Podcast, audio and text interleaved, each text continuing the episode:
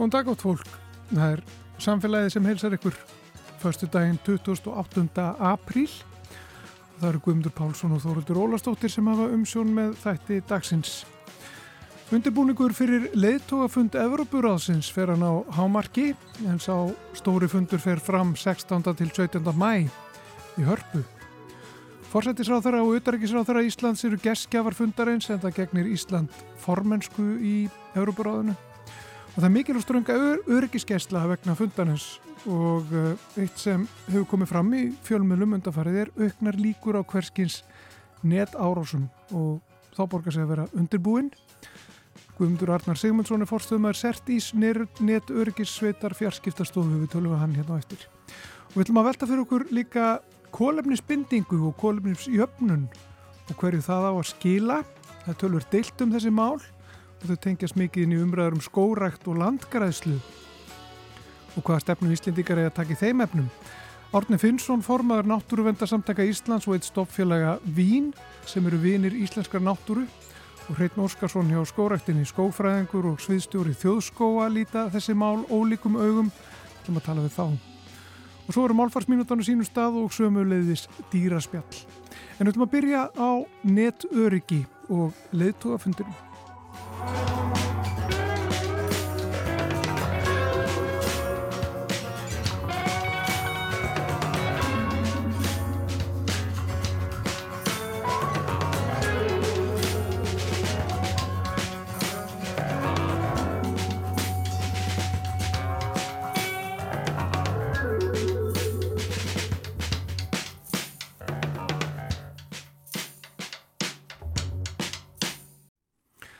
Þá er sestur hér hjá mér Guðmundur Arnar Sigmundsson, hann er fórstöðumar Sertís, það er nétt örgisveit fjarskiptastofu, verður velkomin til okkar.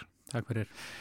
Eh, nú stendur þessi stóri fundur eh, fyrir dyrum, það er leittóafundur Örburáðsins og það verður örgiskesla hér eh, já, á skala sem við þekkjum ekki endilega hér á Íslandi.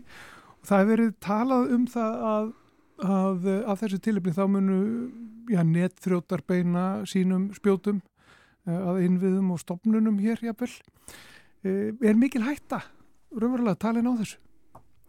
Já, já, það eru vissulega taldar aukna líkur á því að, að hérna, fyrst að sviðsljósið verður á Íslandi, svo út um alla Európu og stærri heim, þá hérna, er það líklegt að þeir sem myndu vilja tröfla þennan viðbúrað einhverju leiti, eh, hérna Eh, munir reyna að nýta sér eh, nettækni til þess að valda þessum tröflunum.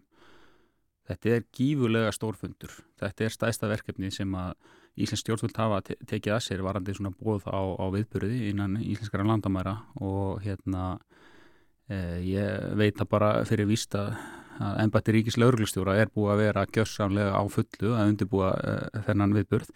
Við í neturíkisveitinni höfum svona verið þeim til taks að hjálpa þeim með þennan ánga. Eh, þeir eru kannski uh, mun meira að einbita sér að þessu raunlega öryggi sem þarf að tryggja. Uh, það eru 45 uh, þjóðarleituar að, koma hingað í heimsókn til landsins á meðan á þessum fundistendur. Það er nú bara runglega tvöfall fleiri heldur en voru á G20 í Róm í fyrra eða hitti fyrra og hérna Eh, við í neturriksveitinni bara erum svolítið að aðstóða ríkislauglustjóra sem að leiðir undirbúningin fyrir fórsættisræðanöndið og auðvitaðríkisræðanöndið sem er að bjóða til þessari fundar eh, varnir og undirbúning eh, á netheimum. Það er vissulega taldnar auka, aukna líkur á því að einhver reyni að trubla frekar í gegnum netið því að það er kannski svona, eh, hvað sé svona þeir að hægar um vik þeir sem vilja valda einhverjum usla að, að valda vandræðunum á netteimum. Það er svona læri þröskuldur að, að, yfirstíga til þess að geta valda einhverjum skada og það er kannski mikilvægra frá þeirra bæðunum séð að þeir eru mjög auðveldra með að fela sig og þurfa ekki hérna að endilega vera fysiskt á svæðinu. Og hvernig er þá undirbúningurinn? Hvað, hvað þarf að gera? Og er vitað, eru, eru innviður og stopnanir, er einhverju sérstakir innviður og sérstakar stopnanir sem eru þarna líklegar til að geta orðið fyrir barðinu á slíkum árusum? Já, uh, við horfum svolítið á þetta tvíþætt. Það er raunni þeir innviðir, stofnanir og félag sem að koma beint af fundunum sjálfum. Fundunum sjálfum fyrir fram í hörpu, miðbæðarsvæðinu verður að miklu leiti lokað á miðan á þessu stendur. Þetta er, fer fram dagana 16. og 17. mæ næstkomandi, það eru tæpar þrjár vikur í, í viðburinn og það eru sumir mikilvægir innviðir sem að erum á að segja að hafi svona beina snertingu við leittóafundin. Við erum að tala um flugfílug og flugvellir sem að þurfa að ferja fólkið til landsins á fundin, ekkert bara þess að þjóðarleitu að heldur allan herin sem fylgir þessu. Það verður hérna alveg stappa hér af erlendu fjölmjölum sem verður að segja frá þessum fundi og við erum að tala um þú veist, fjarskiptafyrirtæki sem þurfa að tengja vettvangin eh, gagnarsambandi svo að sé hægt að flytja vídeostreimi og fréttaflutning og hljóð og, og mynd og texta og allt til og frá svæðinu og svo erum við líka kannski að hóra til þeir sem að þeir aðeins sem kannski svona fæða þetta svæði með ramagni þú veist, ef að, ef að þeir sem sjáum þennan ánga fundarins verða fyrir niðri tíma, þá myndir það hafa bein áhrif á fundin með mismikið, svo sem eftir hvað myndi gerast, þá er þetta að segja til um það einhvað fyrirfram, en þó þannig að trublun yrði á útsendingu fundarins og kannski framkvæmdans inn á svæðinu. Síðan, þetta er svona við, við myndum flokka sem svona tilrönd til beinar trublunar á fundin sjálfan. Síðan eru að tala um að hérna einhverjum geti dótt í huga reyna bara að valda svona trublunum, óbeinum trublunum með því að ráðast á uh, heina á þessa aðra mikilvæg einviði sem hafa kannski ekki beina snertikuðu fundin þar var það hægt að ímynda sér hérna reyna að taka niður greiðslugáttir og eða valda tröflunum á, á fjarskiptarsambundum eða ramagni eða einhverju svoleis og út af þessu, út af þessari ógn og við höfum ekki fengið neinar vísbendingar eða einhverja sérstakar hótanir um að það eigi að ráðast að hinni eða þennan e, í aðdraðata fundarhans eða á meðan ánum stendur. En út af þessari auknu ógn og út af þessu mikla vægi á fundinum þá höfum við verið undarfarnar vikur í rauninni bara í þessu samhæfingar hluturki okkar að samhafa undibúning þessa mikilvægu innviða fyrir fundin og það fælst fyrst og fremst í því að við erum að upplýsa það um umfóngið við erum að hvetja á hvetja allar þessar rekstaraðala til þess að tryggja allar tengingar og orkufæðing og allt sé tvöfalt og það sé til varalegir og við erum líka að svona samhafa samhafa, hvað við segja undirbúningi varandi að vita af og kannski æfa svolítið svona viðbröðin þannig að þetta, þetta snýst bara svolítið um að lifta öllum upp á tætnar þessa vikur fram að fundi og yfirfundin á meðan ánum stendur Já. og svona vera bara fylgjast ekstra vel með sínum kerfum og, og kannski lækka þess enn tortregni þröskuld og, og staldra við og láta aðra vita ef við sjá eitthvað svona óvenjulegt í, í þeirra kerfum mm -hmm. e, e, Hvernig eru kerfin annars undir þetta búin sko, er Við höfum talað um ímis svona mál þessi tengt áður ja. við þig og, og um, það er náttúrulega aldrei ofarlega farið og, og það allt saman en, en uh, eru, eru kerfin almennt uh, í stakk búin til þess að, að takast á við, við svona Þar, eða þarf mikið átak þegar að, að þessi stóri fundur uh, liggur fyrir og, og það er talið að Ísland getur skotmark bara, bara vegna líka aðteglunar sem beinist að landinu. Einmitt. Ég, sko, já, að, að okkar mandi hjá Sertís þá eru þessi kerfi þeirra aðeila sem eru svona þessi mikilvægastu innviður á Íslandi e, þau eru mjög, hvað að segja, svona burðug. Þau, þau eru sett upp samkvæmt stöðluðum og góðum arki, arkitektur og þetta er, þetta rétt hannað og þau taka tillit til þessara hérna, tvöfældni sjónamiða og og rauninni næstu í hvernig, hvernig svo sem þú horfir á virðiskefina eða lappar í gegnum virðiskefina í þessum undirliggjandi kerfum sem halda upp í þessu, upp þessu upplýsingatækni umhverfi sem við stólum svo mikið á þá er hönnunin uh, hérna víðast hvar hérna uh, þannig að, að kerfi þóli að hinn og þessi búnaður í kerfunni bíli tímabundið, þetta er svona haft töfald mm -hmm og stjórnkerfi upplýsingatækni hjá mörgum af þessum aðlum sem að stýra þessu er líka hérna staðlað og fylg, fær svona vottaðar staðlanir og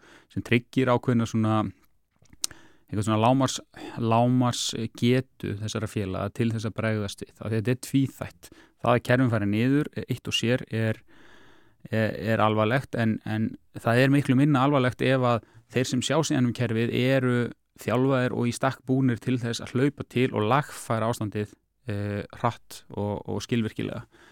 Og, og þar hérna mér liði mjög vel með, með þann ánga hvað var það rekstraræðilega sem koma að þessum, eh, þessum fundi.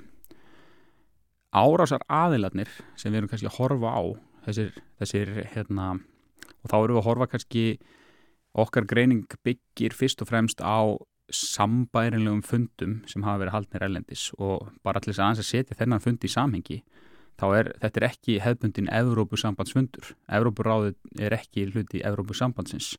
Ég, ég, ég skilja þannig að þetta sé fjóruði fundur Evrópuráðsins mm. síðan lok setni heimstyrjöldar og umræðið efnið á, og það er bara búið að gefa það út, verður fyrst og fremst málefni, málefni Úgrænu og þessar, þessar innrása rúsa inn í, inn í Úgrænu og það eitt og sér eh, eigur í rauninni líkur þess í okkar huga á að reynd verði með einhverjum hætti að trubla þennan fund.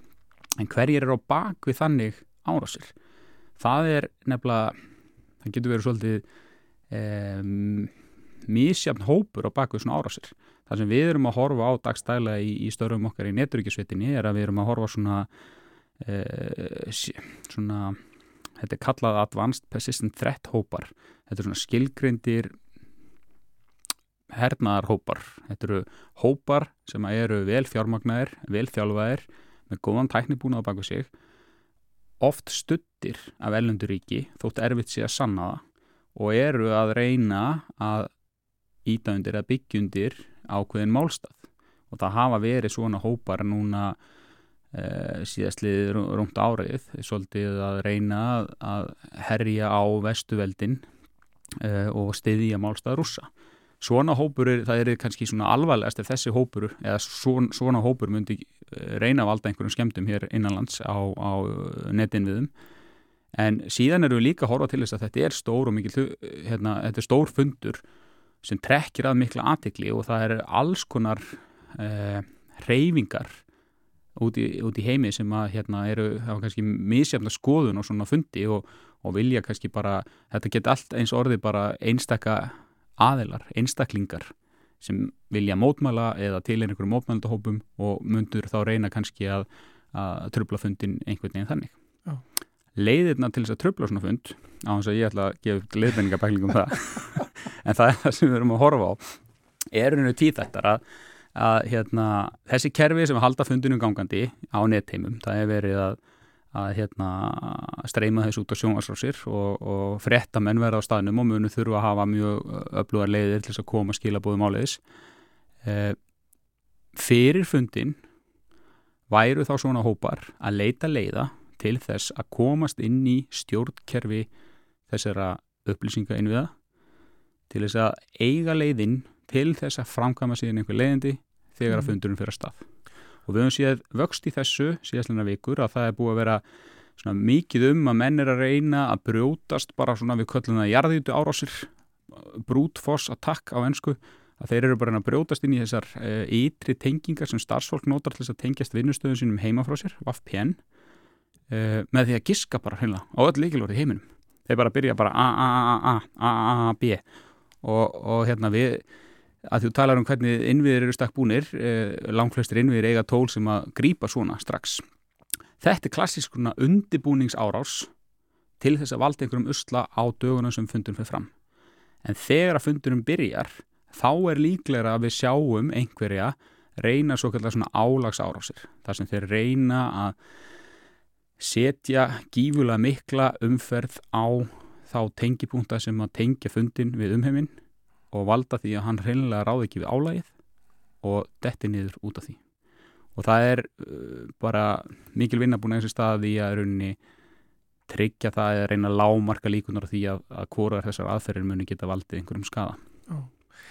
Þetta eru þekktar aðferðir og þið viti hvernig það eru framkvæmdar upp á þessu marki. Menn þetta er oft gert bara svona eins eiginlega, já, já. Þessar, þessar árásir og þessu tægi en er alltaf eitthvað nýtt sko, eru menn að lenda í því reglulega að það bara, uff, þetta sáum við ekki fyrir. Þetta er alveg nýtt.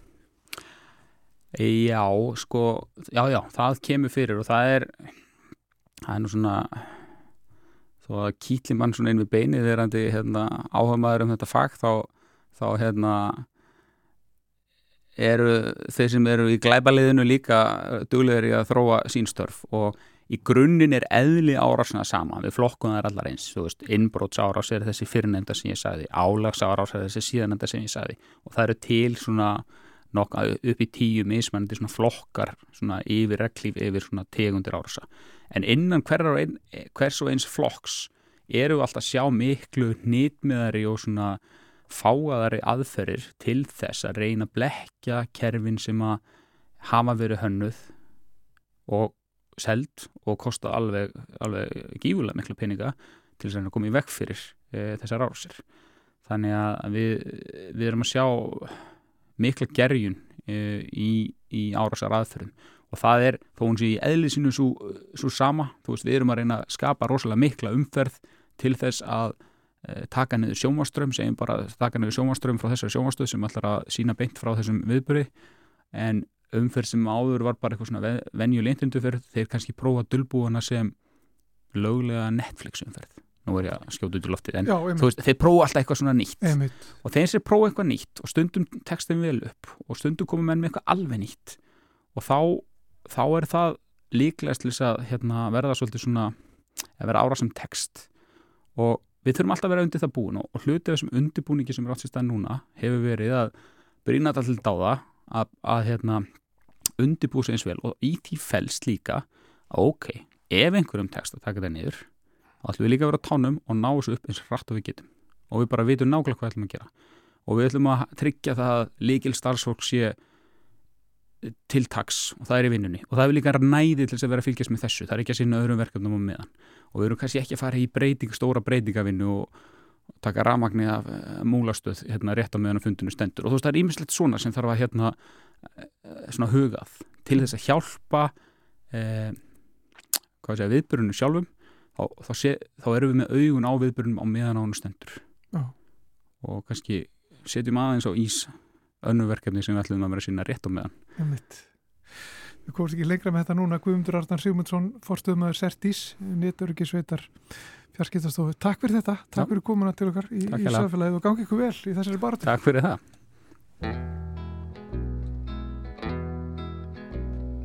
In twilight glow I see blue eyes crying in the rain. When we goodbye and parted, I knew we'd never meet again. Love is like a dying ember, and only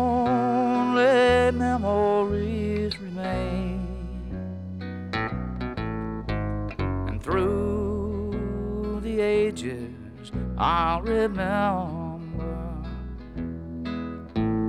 Blue eyes crying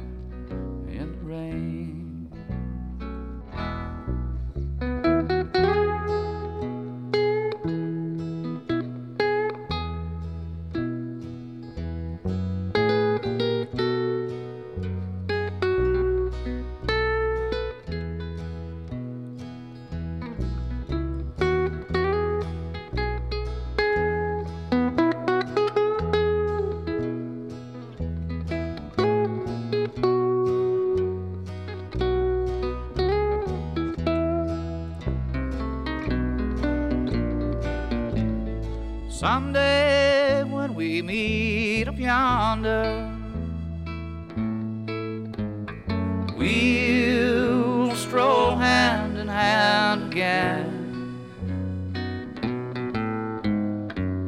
In a land that knows no parting, blue eyes crying in the rain.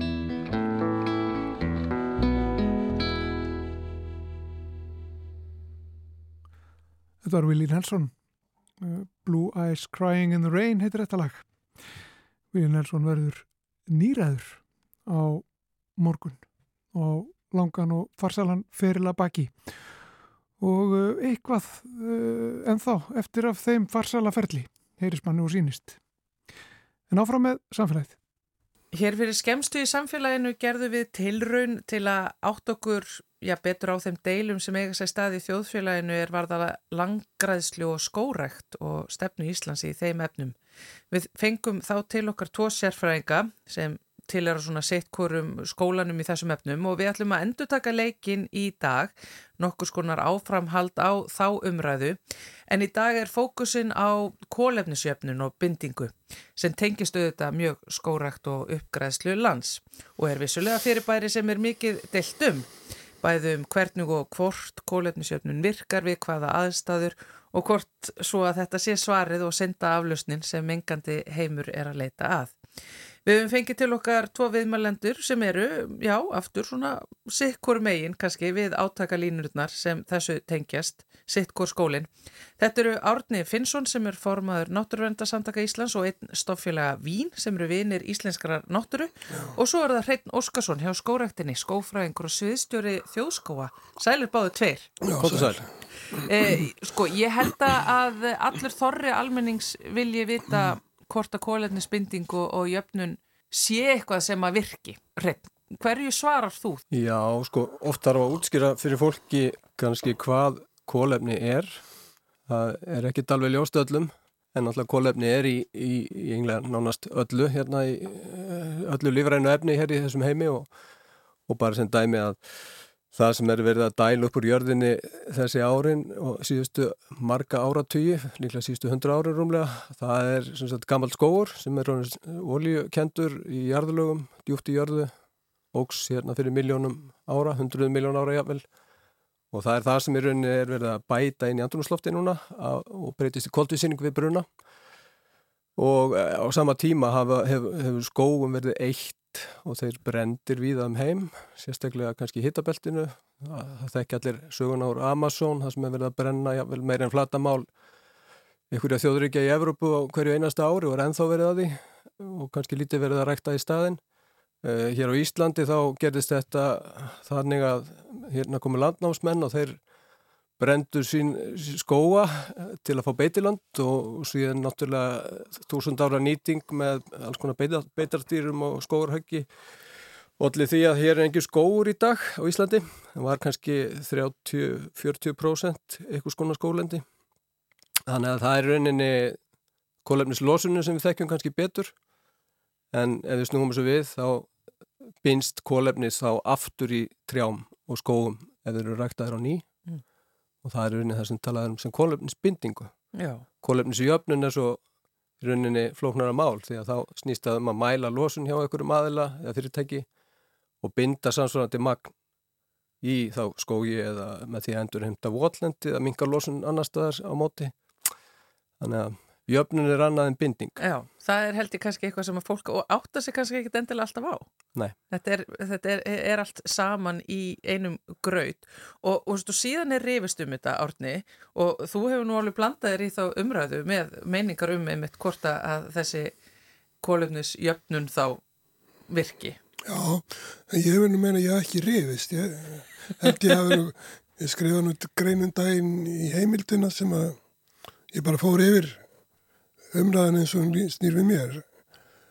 Og svo það var náttúrulega ekki komið, það kom á mándagi var svar Guðlug Stórs umhverfistöður sem svaraði e, líningarnu Sæfastóttur e, um bindingu kólefnis og það er býstna greina gott svar. Og um, binding kólefnis er þá uh, þessi, þessi, sko, þessi viðskipti með kólefni sem að bundi er ah. það er utan við þessi stjórnvöld ráða yfir um, aðgerður eins og, og uh, verleggja losun frá flugi það eru uh, uh, það eru aðgerður sem eru settar í sko, lög en binding kólefnis með skórakt það er eitthvað sem verður að meta já, að fyrirtækjum eða vottunar aðlum sem að eru til þess bærir og það verður náttúrulega að vera áraðanlegt og það ger ekki ríkið. Uh, hvað ég haldi áfram með, ég held ég kannski geti byrjað kólefnisjöfnun, sá ég það eftir til að nýtt hugtak á Íslandi og það er, það er mínu vitið alltaf óljóst hvað það er í lag. Er, er það humbúk? Ég vil ekki segja það, sko, en það sem að kom, var, fór, eh, það sem að, að kvekti mér var að það komu þarna greinar í The Guardian og, og fleiri og þá voru gerað þarna mikla rannsóknir sem síndu að, að þessi vottunafyrirtæki sem eru að votta bindingu eða aðgerður hálfu stórra fyrirtæki eins og EasyJet eða Disney að það er svo vottun stendst oft ekki og er, er þá ekki þá er það ekki áræðanlegt að þessi, þessi kólefnisjöfnun innan gesalapa sem þú kaupir af þínu flugfélagi um, skilir þeim árangri sem að þér eru lofað Já. og um, það, það er vandamál við getum alveg nýtt okkur sko aðgerði til að binda kólefni með já hvað ég segja með með þeim hætti að valda ekki skada á lífríki til dæmis en það verður þá að vera áræðilegt og svo er náttúrulega vandraðin með skórækt að það er, það er kallað sko kólefni byð það er sko það er, kólefni er ekki bundið með því að pota niður einni hríslu heldur það líða nokkru áratvíra að að eitthvað magna kólefni hefur bundist En er það þá þannig hreitn að skórektin sko af því að það hefur verið að keira áfram mikilvægi hennar meðal annars út af þessum málum að við þurfum að binda aftur kólefni og það gerum við best með skórekt en er það þá ekki málið? Uh, ef ég fer aðeins aftur í tíman þarna með Kyoto bókunina Kyoto bókunin, Parísar samkomlæði það sem að saminuði þjóðurinn er sett á stofn þjóðuríkinn sömdu um að minka losun Ísland skrifaði undir þannig samning og inn í þessum samkómalögum, til dæmis Kyoto-bókunni, minnum með að standi klásúla um að þeir vilja líka fara þá leið að fá fyrirtæki til þess að binda eigin lósun og hafa og opna þar á frjálsan kólefnismarka þessara fyrirtæki. Þannig að þjóðuríkin eru með Kyoto mm -hmm. og mhm. minga lósun og geta böndið á móti eins og Ísland gerir. Ísland er að binda í dag eitthvað um 500.000 tonn með þessum litlu skóareitum sem eru á tæpa hálfu prósenti landsins á ári hverju hálfa miljón kólumnistonna mm. sem er raunverulega binding, hún er mælt flestir þessara skóa eru gróðursettir eftir 1990 Þannig að þeir eru farnir að kikki inn. Þeir eru verulega farnir að kikki inn og, og þetta með að það tekir mjög margar ára því er ekki rétt, það tekur frekar stuttan tíma að binding verður á sér stað í þessum skóum og það er semst búið að mæla það og það er Íslensk skóarúttekt sem að gerir mælingar, þeir eru með fasta mælireit út um all land, þeir eru mældir á fimm ára fresti. Þannig að vöxtur trjána er mældur, hæð, þermál uh, bindingi, jarði og annað slíkt. Þannig að það er mjög áræðinlega tölur fyrir þessu og þess vegna er þessi möguleiki mjög uh, þetta er mjög físilegt fyrir fyrirtæki að binda hér á landi með skórækt vegna þess að það er mjög góðar upplýsingar um, um trjávöxt og hversu mikið binst. Og síðan er eh, eins og árni nefndi sko það er mjög mikilvægt að þetta sé vottað þannig að það verður sem sagt óháður aðli þegar það settir á stofn verkefni til dæmis í tengslum við kerfi sem að tekið upp frá bretum og heitir skóarkolumni verið mitt verið endur skoða það það er búið að vera vinna í staðlaráði um sem sagt að sé rétt, réttir staðlar notaðir um, um aðferðir við að, við að hérna, gera útæktir og annað slíkt sko. þannig að regluverkið er nokkuð gott orðið, það er verið endur skoða alltaf. Þannig að fólk Sagt, fyrirtæki sem er að fara að binda þeir þurfa að fara í gefnum nokkuð flókiferli þeir þurfa að fá leifi til framkvæmda sagt, þeir þurfa að fá leifi til að rekta skó ákveðinu löndum það þarf að falla skipulagi það má ekki vera skada hérna, fornminjar eða náttúruminjar eða óallendi eða byrkiskó það má ekki gróða sitt inn í sagt, náttúru sem er, hérna, við viljum venda og síðan þegar allt þetta er uppfyllt þá geta menn farið að gróðusetja síðan fá þessi trí að vaksa í, í fimm ár, þá er gerð mæling á þeim og eins og Árni saði fram að þeim tíma er, eru kólefniseiningar sem búið er að skrá í upphæðu verkefnisins hafa þær í byð vegna þess að það verður að votta að það sé sannlega búið að bindast. Það sem bindast það sem að hérna, fyrirtæki geta þá talið sér fram til, til tekna á móti lósun. Það er að segja að það er verið að binda kólefnið og þegar búið er að sannreina í skóginum að það sé komið þangað, búið að bindast í trjánum, að þá er hægt að tellja það fram á móti lósun. Þannig virkar skóar kólefniskerfið.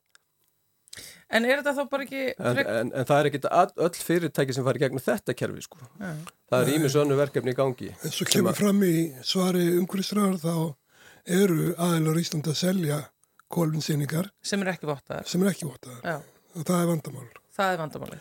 En megi vandamáli er kannski það að, að menn verða með sko hafa huga með að aðalatriðið í stefnum stjórnarlega verður alltaf að vera dragulósun. Það skiptir langmestu máli. Og það er það sem að kannski gaggrinn er að Íslands stjórnvöldi upphættar eru fóra stað þarna 95 að þá sagði Guðmundur eh, Bjarnason, þá var endur umhverfisraður að það eina sem við getum gert hérna á landi er að rækta skó.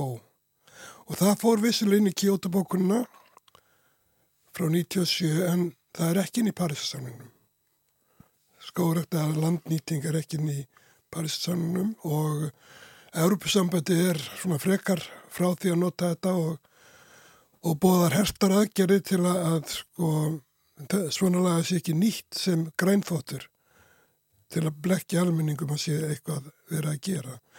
Og það er mjög mikilvægt að, að sko að mælingarnar að, að þessi vísindi sem séu baka þetta séu bara rétt og áraðanleg.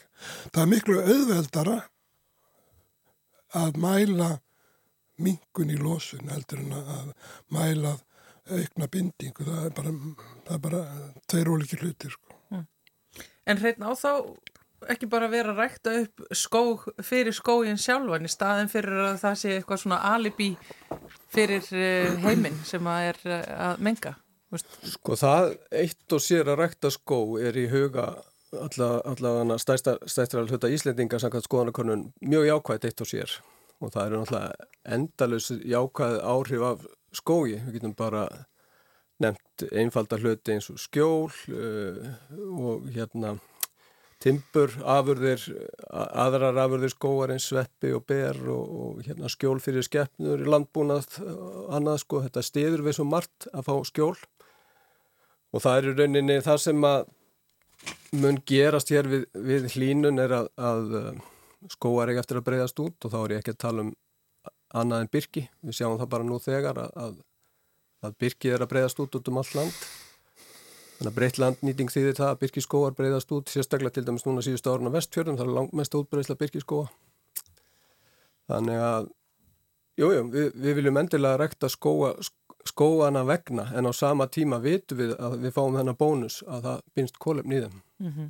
en til að geta uppfyllt í rauninni þær verklagsreglur sem settar eru til dæmis í þessum uh, skilmálum í kringum vottun og kólefni þá höfum við ákveðið að, að hérna, fara í þessa vinnu að útbúa regluverk þannig að þetta nýtist líka til þess að mæla kólefnismyndingu Þann, Þannig er þá deilan einmitt um sko það bara að vísindu þurfa að vera 100% á bakvið hvað við erum að gera og að við ræktum ekki skó bara fullkonlega bara upp í allar okkar syndir. E, e, e, hvernig er þetta sko, til þess að maður átti þessi betra áfum með þessum átakalínum uppháðlega grunni var það inn, sérstaklega þegar Kyoto-bókunum var að stíga sem fyrstu skrifa að, að það væru þetta væru peningahagsmunir sem var að reyna að nýta sem var að reyna að nýta og til dæmis talaði um að rækta einhverja skóa í Afriku í gríðalum gríðalum magni og hvað slíkt. Og taka einn pening af því um, sem tótti náttúrulega ekki vanleg aðgerð í lofstafsmálum og það, það sem skipti máli eins og ég segja að draga úr losun. Ég held að sé engin ágreiningur um að ef skóur er ræktaði með ábyrgum hætti þá er það öllundu góðs, ég held það. En, en uh, sko ágreiningur er þá um að og, og jafnilega ekki ágreiningur eitt af þessum vottunafyrirtækjum sem að Guardian bent á hefðu ja, væri ekki að skrá rétt eða væri ekki með áræðilega tölur það, það fór umsöðalisti í það að reyna bæta skilur mig. Og við mögum bara ég held að umræðan sé og ég bara vil nefna aftur þetta svar umhverfisráðara við spurningu lín ykkar að við höfum hlutina hvað er á og hvað er býð og hvað sé þess að já, eh, það, það er ekki allt sem hægt er að votta og, og ef það er ekki votta þá veitum við ekki hvað það er. Og við verðum að leggja megin áherslu á dráulósun Eh, það er báðir, eh, leggjum mikla áherslu á það báðir. Það, eh, Já, ég held að það sé bara, ég held að sé engin ágreiningur um það en, en sko það, það kannski hófst svolítið lofslagsumræðan hér á, á því að nú skildum við rækta skó og já, já, það var bara ég flýg og svo rekta ég skó og þá var, þá var allt í lagi. já, en ég held að uh, þeirra umræðan sem stjálta að ljúka nú verða stjórnvöld að grípa til mjög róttakra að gera held ég til að hætta auka losuna og, og fara að draga úr henni.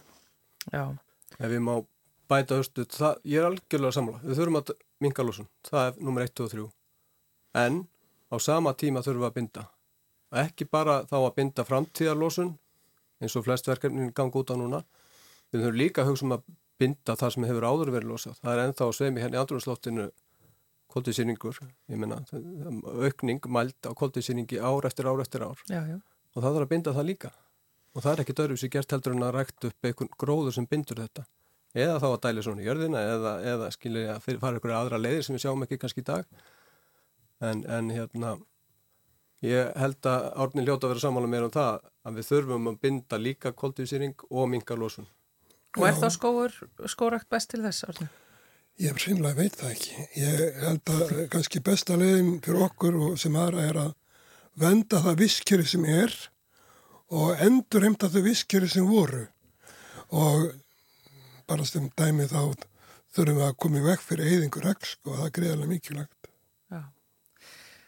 Já. Já, þetta er allavega ekkert annað heldur en frekar heillandi umræða en líka pínulítil flókin eins og ég sagði fyrir allan uh, svona þorra almennings af því að þetta er svo tæknilegt og vísendilegt og við vitum ekki allt og svo er náttúrulega einmitt deilt um það eh, hversu mikið og hvar og af hverju eh, við ætlum að hefja skórekt og hvar á að vera uppgræsla og hvar á að vera landgræsla. En ég held allavega að vonandi hlustendur séu svona uh, konur aðeins nærði að átta sig uh, á þessu. Við ætlum uh, jáfnvel að halda áfram í þessum málum hér í samfélaginu eins og við höfum verið að reyna að gera varpa ljósi á þessa deilu sem að er stundum hatrum en líka mjög forvitnileg og, og skemmtileg ef maður gefur sig þannig aðinni.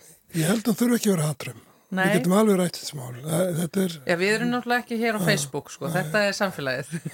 eh, bara þar til eh, við tökum næsta snúning. Takk fyrir að vera hjá okkur hér í dag. Árni Finnsson eh, hjá eitt stoffélaga Vín, vini íslenskara náttúru og sjálfsögðu formaður Náttúruverndarsamtaka Íslands og Hreitn Óskarsson hjá skórektinni sem er skófræðingur og sviðstjóri þjóðskóáa. Takk fyrir komuna. já takk. Takk, takk fyrir bóðin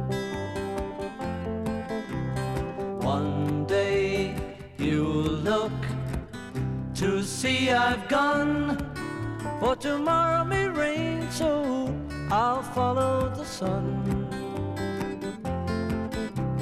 Someday you'll know I was the one, but tomorrow may rain, so I'll follow the sun. And now the time has come, and so my love I must go. And though I lose a friend, in the end you will know. Oh, one day you'll find that I have gone, but tomorrow may rain, so I'll follow the sun.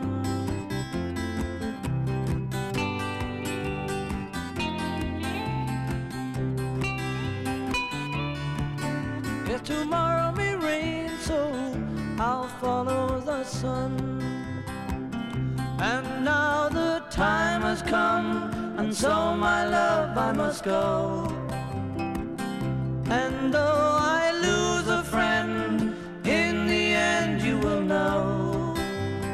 Oh, one day you'll find that I have gone, but tomorrow follow the sun.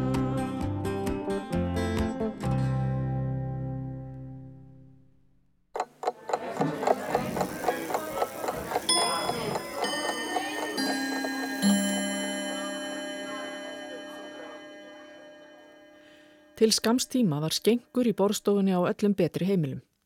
Heitið skengur er dreyið af sögninni skengja sem þýðir að hella og er tökku orður miðláð þísku en vafalaust hingað komið úr dönsku. Því tengist líka orðið skengi borð, borðið þar sem heldur í klösin. Þar til á síðustu árum merti orðið skengur borðstofuskápur sem geymir spariborðbúnað heimilisins, dúka, kerti og fleira sem nöðsynlegt er til veisluhalda. Í setni tíð hefur þetta heiti færst yfir á önnur húsgögn og á sölu síðum fyrir notaðan húsbúnað má oft sjá til sölu sjónvarskápa og ímsa aðra skápa og jafnvel kommóður undir nafninu skengur. Það sýnir okkur að upprunalega merkingin er horfin úr almennri málvitund. Orðið skengur hefur nú þá einu merkingu að vera húsgagn og hyrsla undir hluti af margvíslegu tægi.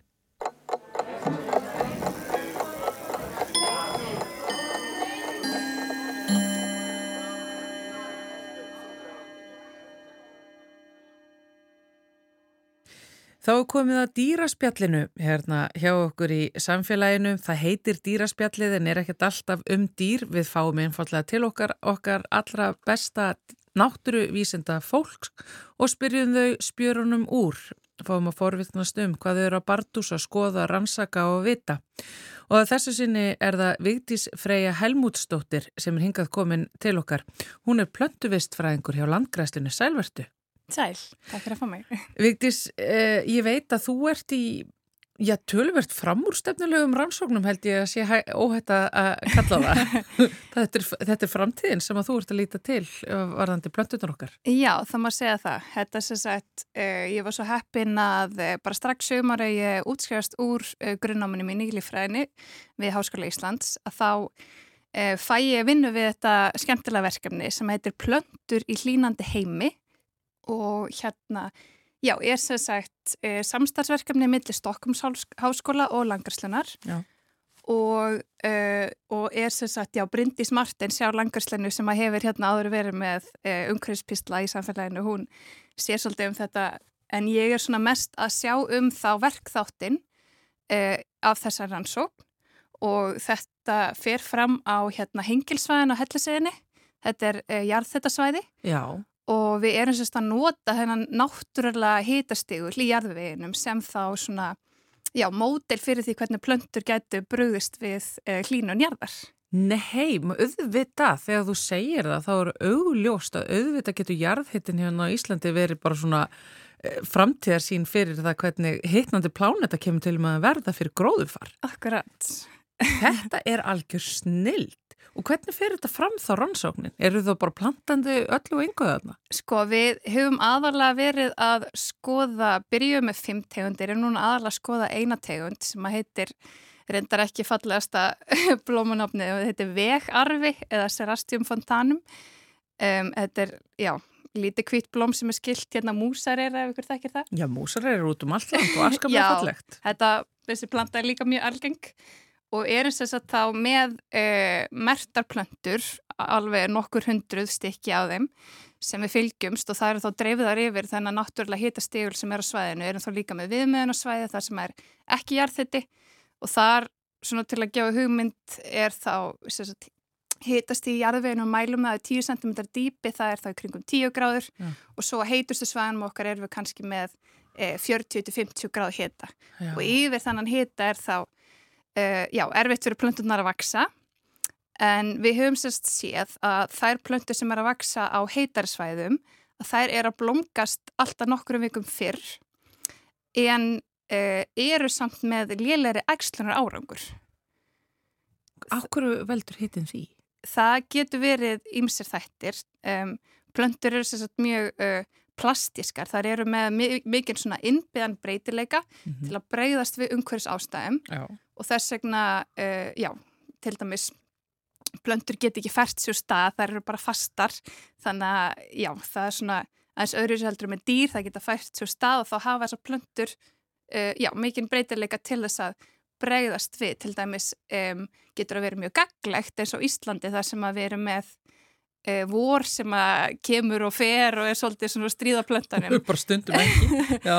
já og þar geta verið með svona, já, innbyðan sensor fyrir því hvenar vorið hefst og byrja þá að blomgastur réttum tíma og ef vorið kemur kannski fyrir eitt sumari þá getur verið mjög hendugt fyrir plöntuna að blomgast þá og ná lengra vakstatímanbili.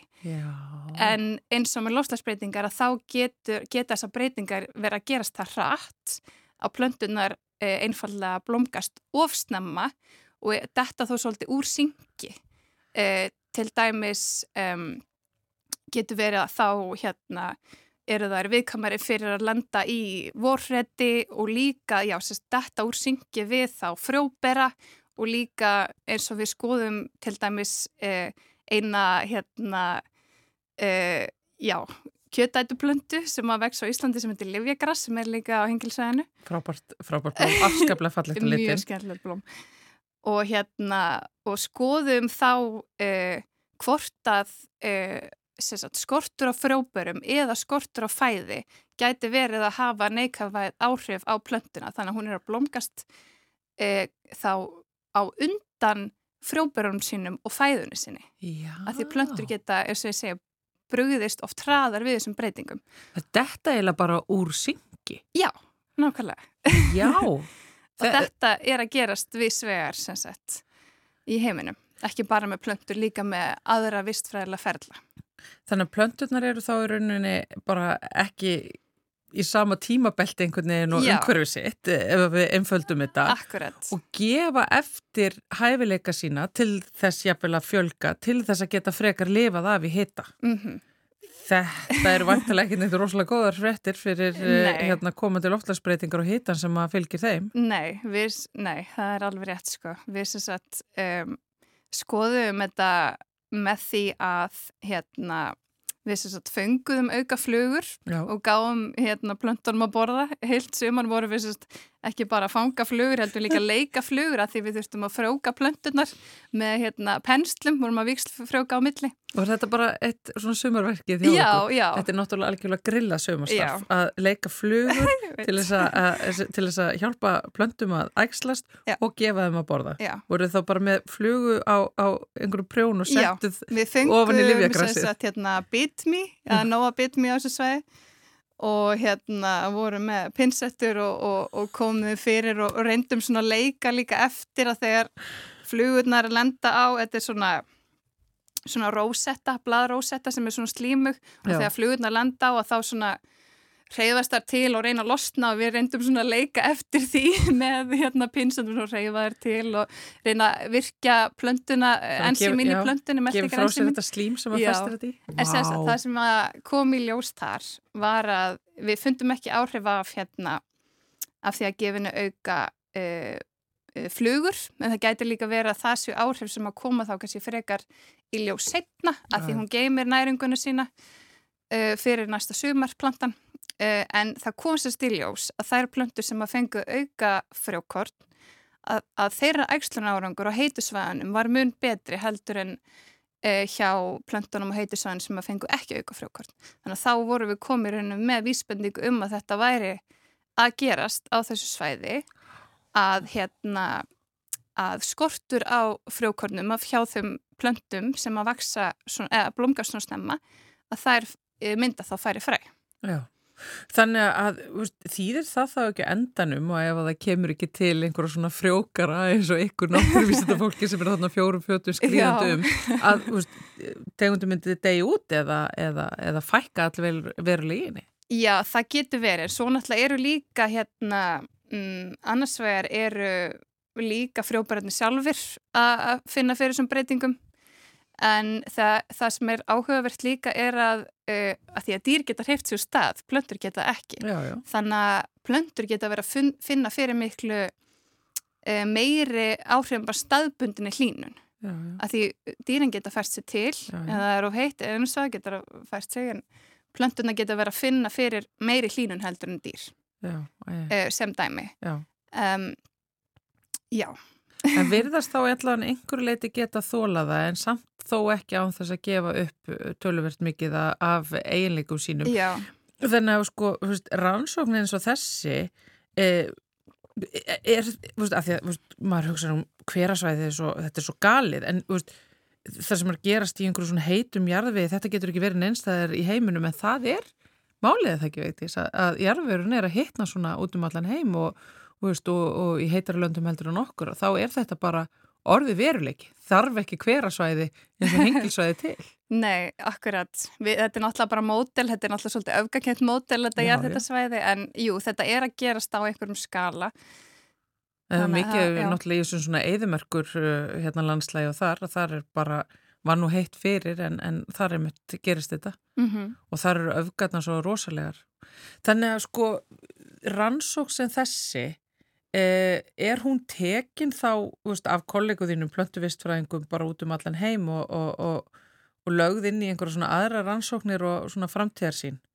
Já, ég, hérna, þetta eru náttúrulega, það eru komnar úr nokkar greinar sem að tengjast e, þessari rannsókn, en það eru allar ennþá tiltölulega nýjar, þannig að, já, ég veit ekki til þess að það sé, hérna, já, mikið búið að vera það, en það er alveg búið að vera í gangi. Mm. Mm Og, og verður þetta, sko að því að þið eru þarna með þá bæði lifjagrassið og, og, og þarna vegarvan sem er eh, hérna, kannski minna þekktar útgáfa músarerunum eins og þið segir. Eh, veist, er, þarf ekki að gera þetta samt á fleiri tegundum eða eru þessar plöntutegundir tvær einhvern veginn þess eðlis að þær gefa svona eh, vísbendingar fyrir alla aðra félaga sína? Sko, já, það er náttúrulega er stundum erfitt þegar maður er að framkoma rannsóknir að, sko, við byrjum, eins og segja, með fimm tegundir Mm. Og svo hafa þær svona kollið kollið verið að detta út. Sumar eru hérna lostatar fyrir uh, söðkindina sem er uh, beitað á þessu svæði. Um, aðrar er einfallega erfiðar að mæla. Við vorum líka með kordsúru og við vorum með hérna mýrfjólu. Hún til dæmis myndar alveg rosalega mikið af löfblöðum út um allt og renglur og, og, og svo veit maður ekkert hva, hvaða einstaklingur er partur af hvaða einstakling og svo blómgast hún kannski ekkert öll ár og það, þannig að þessar tvær plöntur vegarfi og lífækjar sem við höfum aðalega verið að skoða hafa endilega einfallega verið mjög þægilegar svona móteltegundir til þess að skoða. Sérstaklega vegarfin, hann er uh, blómstrar alltaf mjög mikið og, og hérna þægilegt að sjá hérna, munin milli einstaklinga uh, og, eins með lífjagrassi, þetta er bara ein rósetta, auðvelt að greina hvaða einstaklingur er, já. Já. Já, þannig að það er svona, já, það er svona pínu tilvílan kant líka hvernig þetta endaði, já, sko. og, já. og þetta eru tvær plöntur sem að geta vaksið við svona heitt heitasteg, það er náttúrulega margar sem geta það bara alls ekki. Já, já, það, og þær eru bara það afskrifað strax. Já. En hvernig verður þetta, ég meina, ertu að fara að vera að leika, þú veist, bitmi fyrir flugur uh, og flugur fyrir plöntur aftur í á hengilsvæðinu eða er þetta áframhaldandi rannsók? Þetta er áframhaldandi rannsókn, við erum ekki að fara að leika flugur í sumar en hérna, verkefni heldur áfram og er alltaf að fá fleiri styrki þannig að þetta er mjög spennandi. Já, Mhm. og er þetta þá kannski eitthvað sem er nýfarið að gera, að nýta hverasvæðin, veist, háheitasvæðin okkar Íslandika í svona framtíðarsýns hérna, rannsóknir í heitnandi heimi?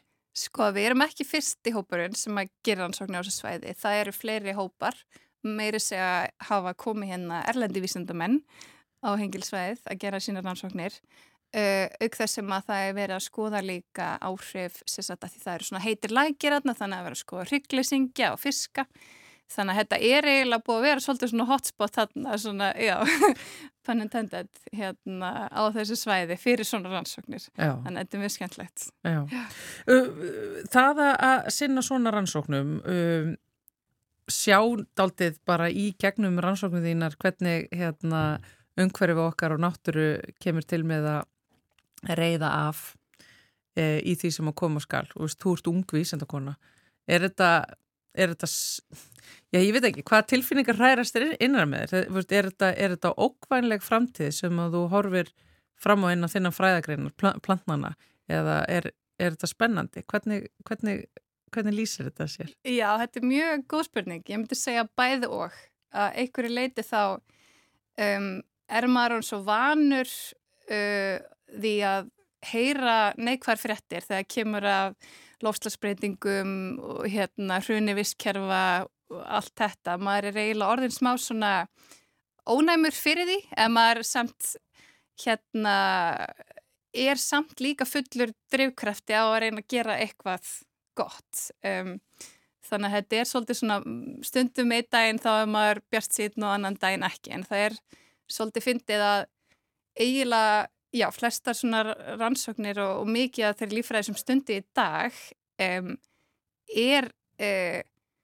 í rauninni vegna uh, já, lofslagsbreytinga, hrunivistkerjar, súrnusjávar, allt þetta, við erum alltaf, við erum að bara rópa svolítið vísendarsamfélagi. Við erum, þú veist, í gamla þetta þá fór fólk bara út í skó og bara skrifaði niður það sem að, þú veist, það sem þau sáu og bara einfallega því að þeim þótti áhugavert. En núna lífum við svolítið eins og lífræðingar sé ekki bara í þessu vegna sem hafa brennandi áhugaði sem við hefum náttúrulega, en við erum líka að bara rópa á hjálp svolítið því miður. Já. Vigdís Freyja Helmúsdóttir, plöntuvistfræðingur hjá Landgræslunni. Takk kærlega fyrir að koma hinga til okkur í samfélagið. Takk fyrir mig.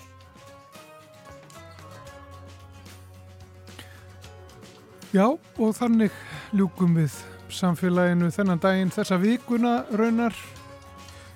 Við verðum hér næst á ferðinni þriðdægin, annan mæ. Ljótið helgarnar, verið sæl.